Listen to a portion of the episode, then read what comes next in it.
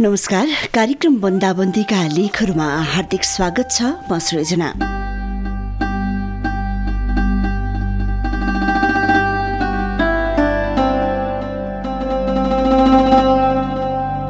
बन्दाबन्दीको समय अनि यो समयमा मनमा उब्जिएका आशा निराशा योजना लगायतका दैनिक भोगाईहरू सम्बन्धी लेखहरूलाई हामी यो कार्यक्रममा समेट्नेछौँ। यदि तपाईँ पनि आफ्नो दैनिकी लेख्न मन पराउनुहुन्छ अनि यो समयलाई सदुपयोग गर्न चाहनुहुन्छ भने तपाईँले आफ्नो दैनिकी कम्तीमा पाँच सय शब्दसम्म लेखेर हामीलाई पठाउन सक्नुहुन्छ। कालिम्चोक एफएमको फेसबुक पेजमा म्यासेन्जर मार्फत। तपाईँको लेखलाई कार्यक्रम बन्दाबन्दीका लेखहरूमा हामी प्रसारण गर्नेछौँ। आजको बन्दाबन्दीका लेखहरूमा हेर्ने कथाबाट साभार गरिएको मनिषा दाहालले लेख्नु भएको यो समय पनि बितेर जानेछ शीर्षकको लेख।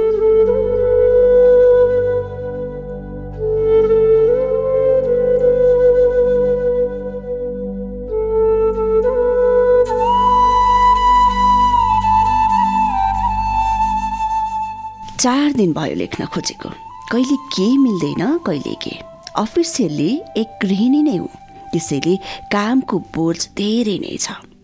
बिहान उठेदेखि बेलुकीसम्म पनि आफ्नो लागि भनेर समय छुट्याउन गाह्रो पर्छ। सदा दिनको दैनिकीमा भागदौड यस्तै चल्दै थियो। अहिलेको त झन् कुरै नगरौँ।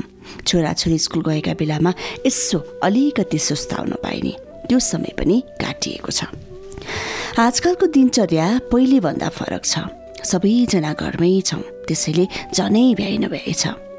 छोराछोरीले भान्साबाट फुर्सदै दिँदैनन्। आज यो खाने आज त्यो खाने। उनीहरू यो सङ्कटको बेला हो भनेर बुझ्ने उमेरका पनि भइसकेका छैनन्। स्कुल जान नपर्ने होमवर्क गर्न नपर्ने दिनभरि घरै बस्यो खायो खेल्यो रमायो गर्दा उनीहरूलाई चाहिँ अहिले चाडपर्व आए जस्तै भएको छ। उनीहरू खुसी खुसी दिन काट्दैछन्। छोराछोरीको खुसीमा आमा हो त्यसै खुसी। म पनि उनीहरूसँगै दङ्ग छु। जीवनमा यस्ता अमूल्य पल फेरि आउलान् नआउलान् कोरोना महामारीको अन्त्य चाँडै होस् भनेर घरका सबैजना मिलेर एक दिन दियो पनि बाल्यौँ।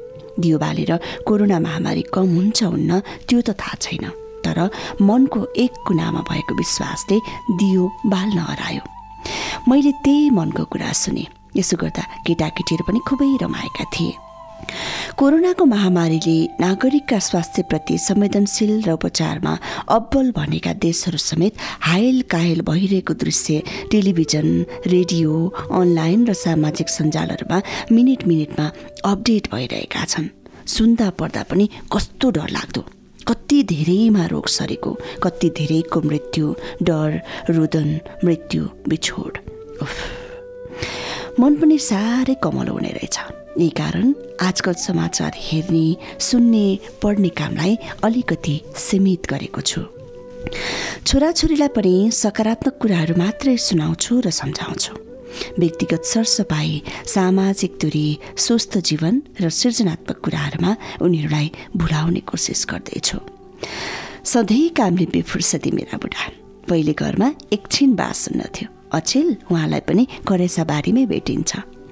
घर अगाडि सानो बगैँचा बनाउने मेरो रहर उहाँले पुरा गर्दै हुनुहुन्छ। अस्ति भर्खरै बेलीको बिरुवा रोप्नुभयो। जाई जुई चमेली यी सबै फुलेपछिको यो आँगन सम्झेर म त अहिले नै दङ्ग परिसकेँ म केटाकेटीहरूसँग युट्युब हेर्दै थरी थरीका खानेकुरा बनाउन पनि सिक्दैछु उनीहरूलाई पनि सिकाउँदैछु हामी सबैजना मिलेर पिज्जा मोमो चटपटे र केक बनायौँ। मिठो नमिठो जस्तै भए पनि हामी सबैले मिलेर गरेकाले रमाई रमाई खायौँ। छोराछोरी दुवैलाई पकाउने घर र आफूलाई सफासुग्घर राख्ने कला पनि सिकाउँदैछु। उनीहरू यसलाई बोझ मानेका छैनन्। हरेक कुराको दुईवटा पाटो हुने रहेछन्। कोरोनाले पनि परिवार र समाजमा केही सकारात्मक प्रभाव पारेको छ।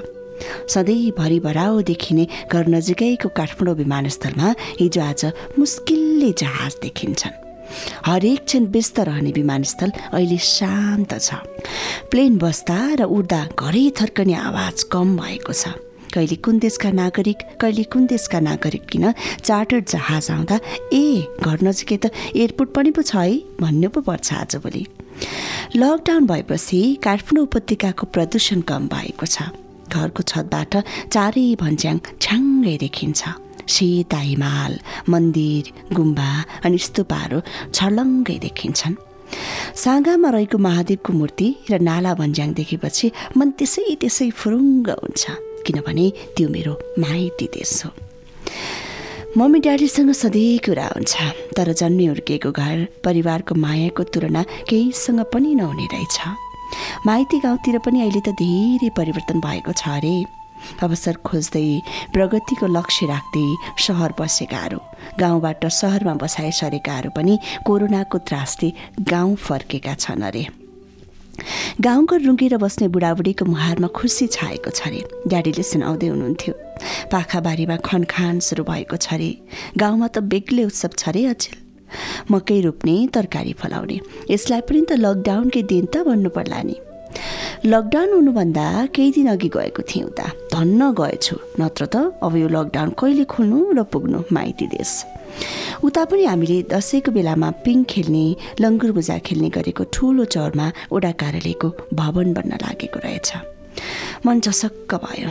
बालापनका सम्झना दौडने त्यो चौरमा अब सिमेन्टको भवन बन्ने भयो र हाम्रा सम्झना त्यही भवनभित्रै हराउने भए। गाउँमा उमेरका केटाकेटी कोही छैनन्। प्राय सबै विदेशमा कि त सहरमै। पवन दाई निश्चल राजेश महेश हिमाल सबै विदेशी। अरूको के कुरा? मेरै भाइ पनि त विदेशमै छ। अहिले हामीलाई उनीहरूको पनि पिर छ। कोरोना जोखिम भएको मुलुकमै छन् उनीहरू। यादहरू अनगिन्ती छन्। सम्झनाको पोको खोतलेर पनि सकिन्न सम्झेर पनि भ्याइन्न। लेखेर कति नै पो लेख्न सकिएला र। अब भान्सातिर बस्ने बेला पनि भयो। सबै कुरा समयक्रममा सुल्झिँदै जानेछन्। अलि अस्तितिर एउटा मनछुने वाक्य सुनेको थिएँ। यो समय पनि बितेर जानेछ। पक्कै पनि यो सबै बितेर जानेछ। दिन सधैँ यस्तै एकिनासको कहाँ भइराख्छ र